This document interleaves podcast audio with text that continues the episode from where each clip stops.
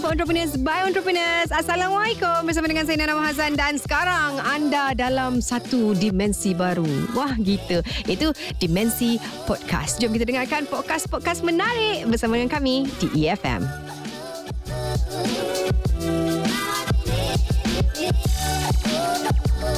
Ada satu lagi produk pelancongan sebagai penginapan dan yang sangat sesuai lah sekiranya kita bercuti dalam satu kumpulan yang besar. Dan yang paling penting ianya menjimatkan. Inap desa ataupun homestay. Ha, ialah rumah orang awam yang menyediakan ruang ataupun bilik untuk disewakan kepada pelancong. Dan kaedah inap desa ini ha, bagi menampung kekurangan bilik hotel di sesetengah tempat.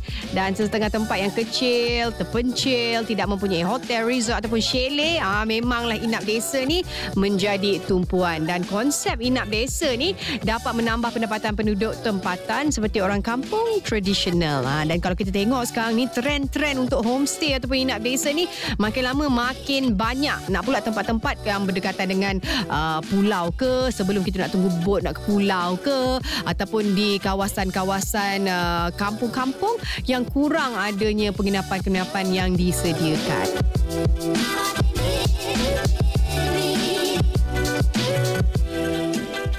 Kita bersama dengan Encik Khairul Hakimin bin Datuk Sahariman daripada Kampung Stay Desa Muni Temerloh, Pahang. Ya, Assalamualaikum. Waalaikumsalam Nana. Terima kasih. Ah, ah okey. Saya nak panggil Cik Khairul ke Cik Hakimin? Panggil Khairul je. Ha? Khairul je, ringkas saja. Khairul je eh? Ya, Ah, senang. ah, saja je nak nak share dengan Cik Khairul ni. Abang saya nama Ah, Khairul juga. Ah, so Oh, nama saya gitu. Nurul. Kita macam adik-beradik. Mah tiba. Ah, Okey. Kalau macam tu saya panggil Kak Nana lah. Ha? Tua pula kita. Ha, okey, boleh lah. Kak Nana pun boleh. Okey, kalau Khairul boleh boleh kongsikan lah kan macam mana uh, terjadinya homestay ka, homestay kampung stay di Desa Muni ni dan Ah, siapa yang cetuskan idea nak buat konsep homestay tu? Boleh, boleh. Untuk saya ceritakan pasal Mm-mm. homestay ni, saya kena cerita dengan detail lah ya. Mm-mm. Apa itu homestay? Ini bukan homestay yang biasa, biasa kalau kita nak pergi kenduri kahwin, cari rumah homestay, Mm-mm. Tempat persinggahan untuk semalam tu kan. Mm-mm. Bukan macam tu. Homestay ini Mhm. adalah homestay di mana pelancong ataupun tetamu datang ke Mhm. kampung Desa Muni ni dan Mhm. tinggal bersama keluarga angkat di dalam kampung tu. Itulah pengalaman homestay. Ah, maksudnya kita tinggal dengan orang-orang tuan rumah tu sekali. Iya, itulah pengalaman homestay tu. Maknanya pelancong-pelancong tetamu tu dapat merasa pengalaman yang unik tinggal dengan keluarga angkat di kampung ni. Jadi dia ada masa Wah. banyak lapang luangkan masa bersama keluarga ah. angkat ni dia boleh merasai kehangatan ah, Ah. sambutan daripada tuan rumah tu. Yes, Macam juga mana kehidupan di belajar kalau, kampung. kalau katalah daripada Europe ke luar negara ke dia belajarlah culture kita macam mana kat rumah tu Betul, makan dia dan betul. sebagainya. Wah, ni lebih lebih intimate lah katanya eh. Lebih intimate betul. Program ini sebenarnya Mhm. uh, dimulakan oleh ayah saya. Mhm. Dialah penerajunya pada Okey. tahun 95 lagi. Di Okey. mana ah, program ini sebenarnya adalah inisiatif daripada Kementerian Pelancongan pada ketika itu. Okey. Dia yang nak, nak apa kata uh, dia yang bagi semangat, dia yang bagi bantuan, dia akan Mm-mm. latih, training. Sebabnya Mhm. tetap uh, keluarga-keluarga angkat yang menyertai program ini hendaklah pergi kursus dulu bukan saja-saja pelancong datang duduk dengan orang kampung tak Ah. Keluarga angkat ni kan Mhm. dia dah pergi kursus dulu macam mana nak menerima pelancong macam mana nak men- uh, menyediakan keadaan rumah dari segi keselamatan kebersihan Mhm. baru boleh terima pelancong ha, oh, macam tu maksudnya keluarga-keluarga yang ingin participate dalam uh, kampung stay ni, dia orang kena di-evaluate dululah tengok keadaan keluarganya, rumahnya dulu. macam mana. Ia bukan main apa main main tangkap je siapa-siapa Oh, dengan ya. keluarga angkat dekat kampung tak Oh, boleh okey. sebabnya kita pun nak menjaga nama homestay ni Betul. tapi cumanya sedikit tercemar lah sekarang ya sebabnya orang salah faham Mhm. itu tugas saya sebagai penyelaras homestay pada waktu ni Mhm. kita ceritakan maknanya ni homestay ni bukanlah sekadar homestay rumah kita duduk esok check out Mm-mm. tak kita akan duduk bersama tuan rumah tu Mm-mm. Pengalaman tu yang lebih penting sebenarnya. Jadi macam mana kriteria tu? Saya nak tahu kriteria keluarga yang uh, boleh terpilih untuk join kampung stay ni. baik uh, saya nak membetulkan sikit je tak Okey. silap tu Okey, tak silap. Cumanya ada dua jenis. Okey. Yang saya ceritakan yang first tadi adalah homestay. Okay. Mm-hmm. Di mana homestay memang konsep dia pelancong datang tinggal bersama keluarga angkat. Okey. Start tahun 2010, 8 tahun lepas, Mhm. satu konsep baru kita buat Mm-mm. di mana barulah dipanggil kampung stay. Di mana kampung Ah. stay ni berbeza dia ke? Aha. Berbeza dia daripada homestay adalah kampung yang sama, penginapan tidak bersama keluarga angkat. Jadi ada option dekat situ. Ah, jadi sama ada nak homestay ataupun kampung stay. Betul. Nak Ah, homestay desa muni ataupun kampung stay desa muni. Siapa yang rasa nakkan pengalaman bersama keluarga angkat, Mhm. kebiasaannya pelancong-pelancong daripada luar negara lah. Mhm. Ataupun program-program pelajar daripada universiti ataupun college. Di mana dia orang lebih nak spend time dengan keluarga angkat. Mhm. Ah, Okay, pada interesting. Ha, tahun 2010 pula Mhm. barulah kampung stay terbina. Kampung stay ni ala-ala rumah moden, rumah tradisional ataupun kabin Mhm. di dalam kampung Desa Muni ni di mana kita sewakan andai kata pengunjung nak mengasai aktiviti dalam kampung tetapi tidak bersama keluarga angkat. Okey, dan saya nak Ada tahu dua soalan option. soalan pertama saya tu macam mana kriteria Ah, keluarga-keluarga berbalik tu? Ah, berbalik kepada soalan tadi ya. Ah, ah. Okey. Apa kriteria untuk uh, keluarga-keluarga angkat ni tadi? ya? Pada mulanya untuk menubuhkan homestay ni Mhm. saya perlu ada sekurang-kurangnya 10 buah rumah keluarga angkat Mhm. yang berminat dengan program ni. Okey.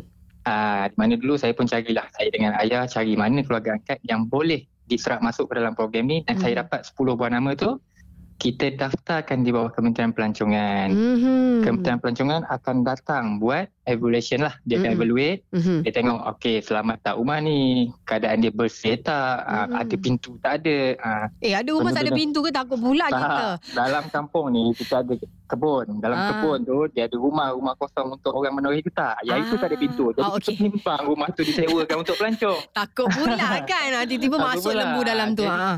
kita nak buat ni kita nak tunjuk benda yang baik pada pelancong kita Ah, ah. pastikan keselamatan dia kebersihan dapur Mhm. bilik tidur Mhm. ah, benda-benda seperti aircon air panas wifi kita tak utamakan sebabnya kita nak beritahu kepada pengunjung inilah kampung kita Mhm. inilah suasana di dalam kampung mandi tak ada shower pakai gayung pergi ke perigi benda-benda Wow. macam tu tapi sangat bernilai kepada pelancong yang datang Okey. Jadi keluarga-keluarga yang berminat untuk participate sekarang participate sekarang ni dah berapa keluarga dah sebenarnya di bawah uh, Ah, program homestay ni? Sehingga tahun ini, Mhm. 2018 ni dah ada 80 buah rumah keluarga, keluarga Wow. di dalam. Iya, 80. Dia akan tapi radius dia sedikit besar lah. Dulu 10 buah tu mungkin dekat-dekat je. Mm-mm. Jadi bila 80 buah tu, rumah yang hujung sini sampai rumah hujung sana dah pergi ke 40 minit dia jauh. Mm-mm. Kenapa kita perlukan 80 buah peserta, 80 buah rumah keluarga angkat ni? Mm-mm. Sebabnya kita menerima kunjungan daripada pelancong daripada luar negara, contohnya Jepun Mm-mm. dia akan datang seramai 300 orang. Wow. Jadi bila 300 orang melibatkan 80 buah rumah ini. Wow. Ah, satu rumah dia akan duduk 4 orang, dia ada duduk 2 orang. Bergantung kepada bilik yang ada dekat dalam rumah tuan rumah tu. Okey, jadi maksudnya uh, apa sahaja bayaran yang dikenakan kepada tuan rumah tu ada adakah Okey. ditetapkan oleh Encik Khairul sendiri ataupun dia orang yang tetapkan berapa Betul. dia nak sewa? Betul. Sebenarnya ada perbincangan antara kami. Saya Mhm. ini adalah penyelaras yang dilantik oleh Kementerian Pelancongan Mhm. Menjaga homestay Desa Muni. Di situ saya telah sediakan package. Mhm. Dalam package itu termasuk sekali makan minum, bayaran kepada tuan rumah, lawatan ke tempat aktiviti, lawatan ke tempat gajah, Mhm. naik bot di di Sungai Pahang Mhm. dan lain-lain. Jadi package itu saya yang menguruskannya. Ah, jadi tuan rumah setuju je.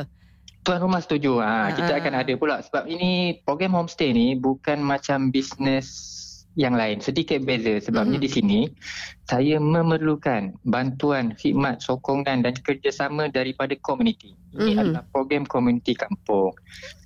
Hmm. Kalau ikut objektif utama program homestay dan kampung stay ni memang kita menggalakkan penyertaan penduduk kawasan kampung dalam industri pelancongan. Okey, saya nak tanya satu soalan. Mungkin mungkin ni uh, berbeza sikit daripada uh, soalan yang lebih berkisar kepada Desa Muni ni sendiri. Saya nak tahu apa agaknya kriteria yang di, di, ditetapkan oleh kementerian lah sebab macam Encik Khairul kan dah lama kan buat buat homestay ni. Sebenarnya kalau tempat-tempat lain bukan di Desa Muni ke di mana-mana lah sebenarnya kalau nak buat homestay sebenarnya dia adakah dia memerlukan permit ataupun pengesahan daripada kementerian dahulu ataupun ada ada je orang buat homestay without without applying. Ha, ada ke macam tu? Betul. Uh, kita kategorikan homestay yang without applying ni tadi, yang Mhm. tak berdaftar ni tadi Mhm. adalah homestay haram pada Okey. definisi kami. Tapi kami faham mereka pun berniaga. Cuma Mhm. berniaga tu dengan menggunakan nama homestay dan konsep berbeza. Mm-mm. Itu yang kami sayang sebenarnya. Untuk men- me- mewujudkan homestay yang berdaftar, Mhm. mulanya kita kena apply dengan Kementerian Pelancongan. Okey. Okey, di situ kita akan dapat form semula. Kita akan isi kriteria dia. Macam saya ceritakan, kita memerlukan paling kurang 10 buah rumah keluarga angkat. Mm-mm. Uh, bila kita dah ada 10 buah rumah keluarga angkat ni, kita akan dinilai. 10 buah rumah keluarga angkat ni dinilai. Bila dah lulus nilaian, ada orang datang inspection semua, barulah kita boleh bubuh signboard homestay desemoni. Uh, contoh. Mm. Ah macam tu. Okey, okey, Cop. Saya saya uh, kurang faham di situ sebab kena ada 10 buah rumah keluarga angkat. Kalau macam saya ada rumah uh, Okey. dan saya rasa dekat kawasan rumah saya tu memang mm, tarikan pelancong lah. Saya nak buat saya punya rumah aja. Saya rumah rumah saya sendiri. Ah, ha, saya tak nak macam ada satu buah 10 10. saja. Ha, satu buah rumah saya sendiri. Boleh ke?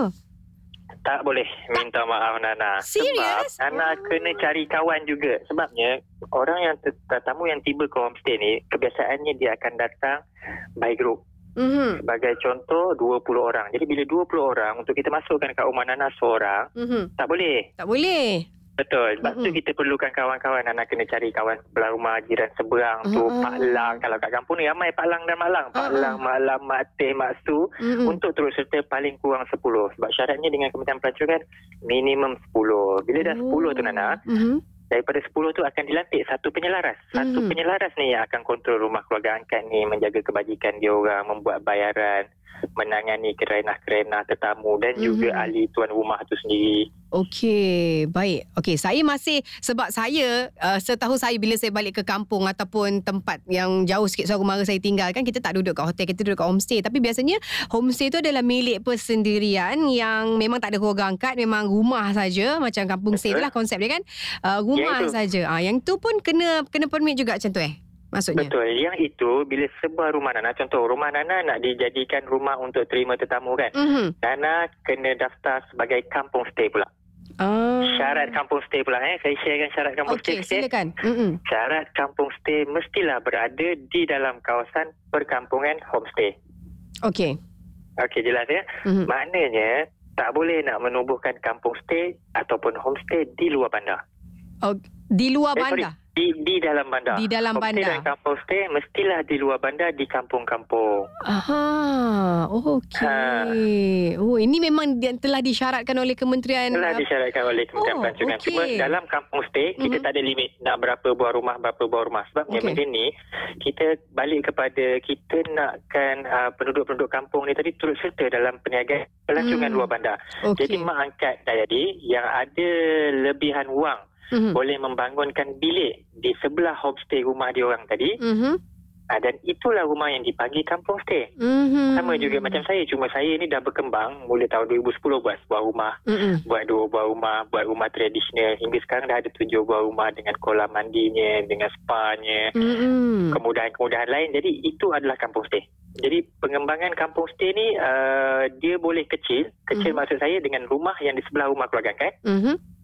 Hinggalah besar ke pengumpulan kampung stay maksud saya lah. Ah. Mana kampung stay yang ada sebelahnya belah dalam satu kompartmen ada jadi ala-ala resort lah macam tu. Ah, wow, okey. Ah. Se- Sekarang bos saya faham dan terang. Ah, jadi kalau lah kata kita ada homestay dekat uh, homestay lah.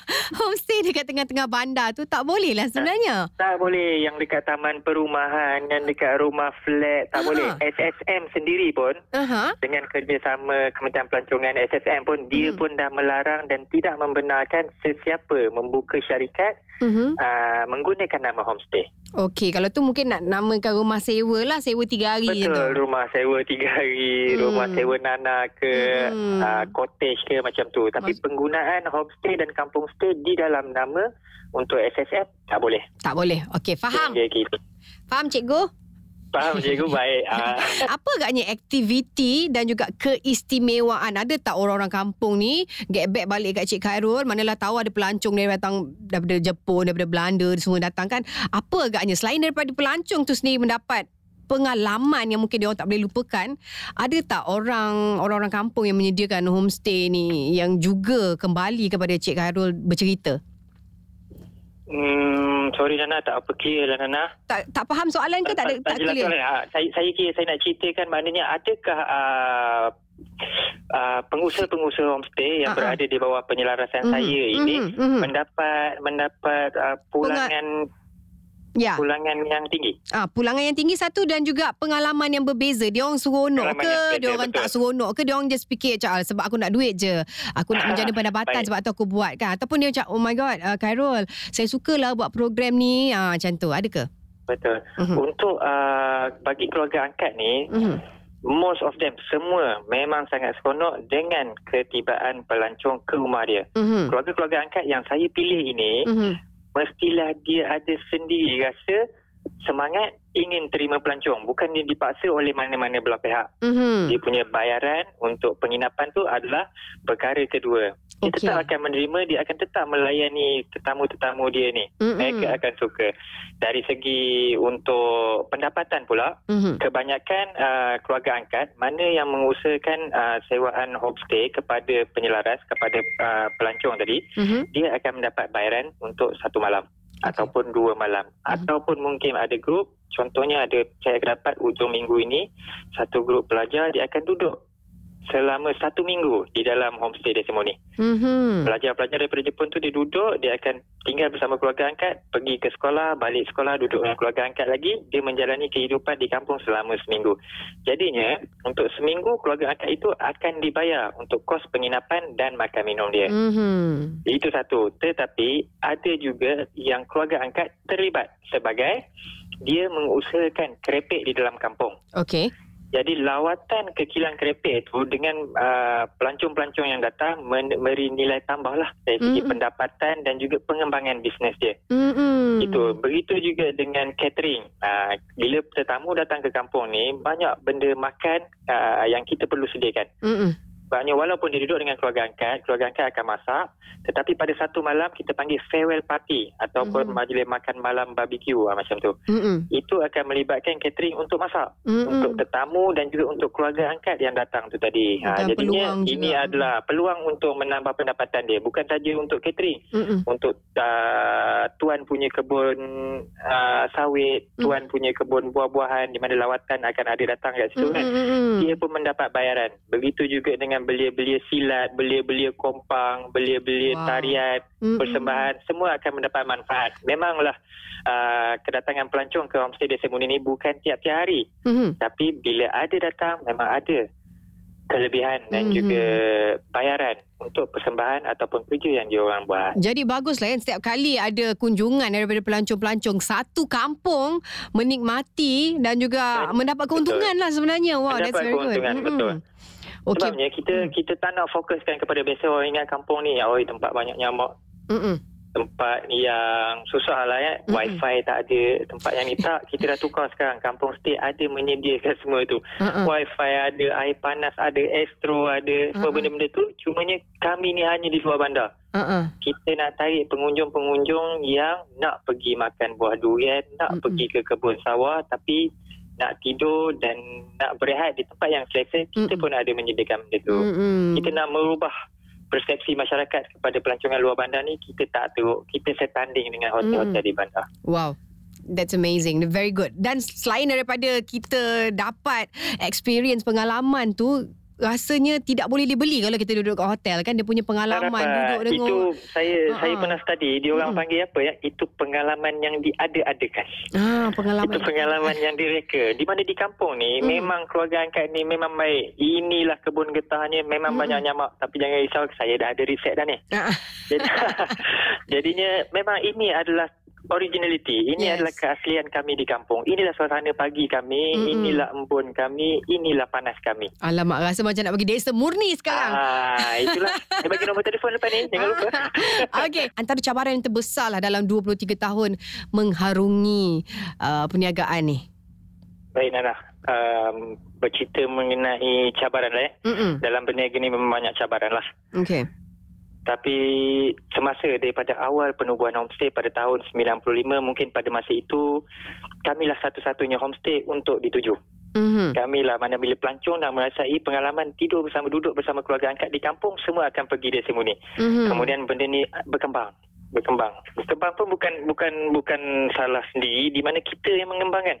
Di mana ayah saya pada waktu itu mengumpulkan mana kampung-kampung yang dianggapkan sesuai untuk mengadakan perniagaan homestay ni. Mhm. Sebagai contoh di negeri-negeri lain, di Relau, Kedah, di uh, ujung Bukit Perlis, di Melaka dan lain-lain negeri. Jadinya benda ni bertambah. Bertambah makin banyak tahun makin bertambah. Mhm. Jadinya kita ada masalah melalui persaingan. Jadi itu adalah normal sebab melalui persaingan ni kita dapat memperbaiki diri kita. Betul. Ha, jadi bila persaingan terlalu banyak bukan sahaja homestay tu tadi, bandar Temelur pun dah naik hotel-hotel bajet. Kita dah ada homestay-homestay haram ni tadi. Jadi benda ini sebenarnya mengganggu. Okey. Mengganggu pertumbuhan homestay yang sihat. Mhm. Tapi tapi pula, uh, tapi kalau kalau lah kata ada kompetitor macam tu apa sebenarnya yang yang Cik Karo dah lakukan? Adakah report dia orang ke? Ataupun approach dia orang sama ada dia nak be part of desa murni ke? Atau macam mana? Apa yang uh, yang Cik Karo dah buat lah? Kalau yang uh, untuk di dalam kampung ni, pada awalnya ada peserta-peserta homestay yang pun sendiri buat rumah Mhm. walhal okey dia bukan peserta daripada homestay. okey Jadi bila ada yang macam tu, kita talk, kita bercakap dengan dia, kita invite dia join homestay. Ah barulah dia boleh berniaga dengan halal. Mm-mm. barulah dia boleh berniaga mengikut konsep homestay. Sebabnya dia orang sendiri pun bukan sebab apa dia buat homestay. Dia kata Mm-mm. orang lain buat. Mm-mm. Dia sendiri tak di-educate, tidak tidak tidak Tahu di, caranya. diberitahu caranya. Mm-mm. Apa dia ni salah sebab apa, dia ni betul sebab apa. Mm-mm. Jadi saya pergi, secara tak langsung kita pun combine. Saya sendiri pula menyelaras pula rumah dia ni. Mm-mm. Ah macam tu. Jadi senang lah juga sebenarnya Kadang-kadang orang yang buat ni Dia tak tahu sebenarnya nak tuju kat mana kan Saya pun tak tahu sebenarnya Kalau nak buka homestay Kita kena pergi dekat uh, Kementerian Pelancongan dulu Nak register kan Suka-suka hati kau je boleh buka macam tu Ah, betul. Yes, yes, yes. Saya harap dengan penjelasan yang Cik Karo berikan ni, ramailah orang-orang yang mungkin yang mendengar ni, oh dapat sedikit gambaran macam mana sebenarnya untuk uh, untuk buka homestay yang legal lah eh, yang mengikut uh, syarat yang telah pun ditetapkan oleh kerajaan. Okey, uh, kalau Cik Karo boleh kongsikan eh, apa agaknya harapan? Uh, harapan saya Nana Mhm. Um, agar industri pelancongan luar bandar ini Mhm. akan terus diberi sokongan lah baik Mm-mm. dari segi pelancong pengunjung ataupun pihak-pihak tertentu seperti Kementerian Pelancongan. Mhm. Sebenarnya Kementerian Pelancongan yang sebenar-benarnya daripada awal banyak membantu dari segi prasarana, infrastruktur, Mhm. signboard sebab kami ni orang luar bandar. Mhm. Jadi kami ni bukan orang yang pandai berniaga tapi Mm-mm. dengan bantuan daripada Kementerian Pelancongan dan pihak-pihak lain terutamanya dia membantu kami. Mhm. Jadi harapannya supayanya Kementerian Pelancongan, Tourism Pahang sendiri, Tourism Malaysia dan juga NGO-NGO yang banyak membantu kami, jangan lupa teruskan membantu kami dan menyokong kami sehingga seterusnya. Agar konsep homestay dan kampung stay ni boleh berterusan sehingga bila-bila. Ah, kita doakan juga eh dan kalau boleh Encik Karo berikanlah nasihat eh kepada usahawan-usahawan muda, mereka-mereka yang ingin mencubakan diri dalam mungkin dalam bidang pelancongan, dalam bidang homestay dan sebagainya. Apa agaknya nasihat yang ingin Encik Karo sampaikan? Dari segi nasihat sebenarnya Nana saya pun kena ambil nasihat lagi ni. Banyak lagi kursus-kursus kelas-kelas belajar uh, keusahawanan ni. Tapi untuk usahawan lah ya, Mm-mm. janganlah menyerah kalah. Buat je sikit, terus tak tak semangat dah. Tak Mm-mm. jadi je tak semangat. Jangan putus asa. Gagal sekali tak semestinya gagal selama-lamanya. Tanamkan minat. Teruskan maju ke hadapan. Kerjasama dengan semua orang dalam menjayakan suatu bisnes adalah sangat penting. Mm-mm, InsyaAllah. Jangan malas. Jangan Kena malas. rajin. Ya. Jangan malas. Ramai orang malas masalahnya sekarang. Ya. Okey. Ka- Kalau nak jadi usahawan ni dalam bidang apa-apa pun tanamkan minat, keinginan, kesungguhan yang tinggi. Jangan berbelah bagi. Yeah. Sebab kalau tak ada benda-benda ini, susahlah untuk kita mengecapi kejayaan tu. Ya, yeah, saya setuju tu. Dan last but not least, Cik Khairul kalau boleh kongsikan macam mana sebenarnya nak hubungi Cik Khairul, uh, nak nak guna homestay tu ataupun ada siapa-siapa yang berminat, uh, kat mana sebenarnya kita nak hubungi? Boleh Nana, kalau nak berminat nak tengok kampung stay, apa itu kampung stay, apa itu konsep, sekarang zaman IT ya, Mm-mm. website kita orang www.kampungstaydesemuni.com Mhm. Lepas tu boleh juga email ke kampung stay at, uh, kampungstay at yahoo.com Mhm. ataupun telefon nombor kampung stay Mhm. 09 2847 949. Yes, alright. Terima Zaman kasih. sekarang ni Mhm. ada satu lagi saya nak tambah. Ya. Orang dah tak tak tak communicate pakai telefon dah. Dia pakai WhatsApp je sekarang ni. Ya. Mm-mm. Ini nombor WhatsApp 012-553-4715 Nana. Okey, Facebook ada Facebook, Facebook. Facebook ada. Ah. Kampung Stay Desa Muni. Kampung Stay Desa Muni. Senang. Instagram, Instagram. Eh, pun ada. Ada. Kampung Stay Desa Muni. Kelas. Pak kata mudahnya. Mm-mm. Pergi je dekat Google, pergi je kat Yahoo, Mm-mm, type Kampung Stay je. Desa Muni ataupun Homestay Desa Muni. Itulah dia. Terima kasih kita nak ucapkan kepada Encik Khairul yang kena sudi sebenarnya berkongsi uh, macam mana sebenarnya beliau men- menjalankan perniagaan homestay tersebut. Uh, 20, 23 tahun eh dalam bidang ni. Memang sangat lama. Banyak pengalamannya.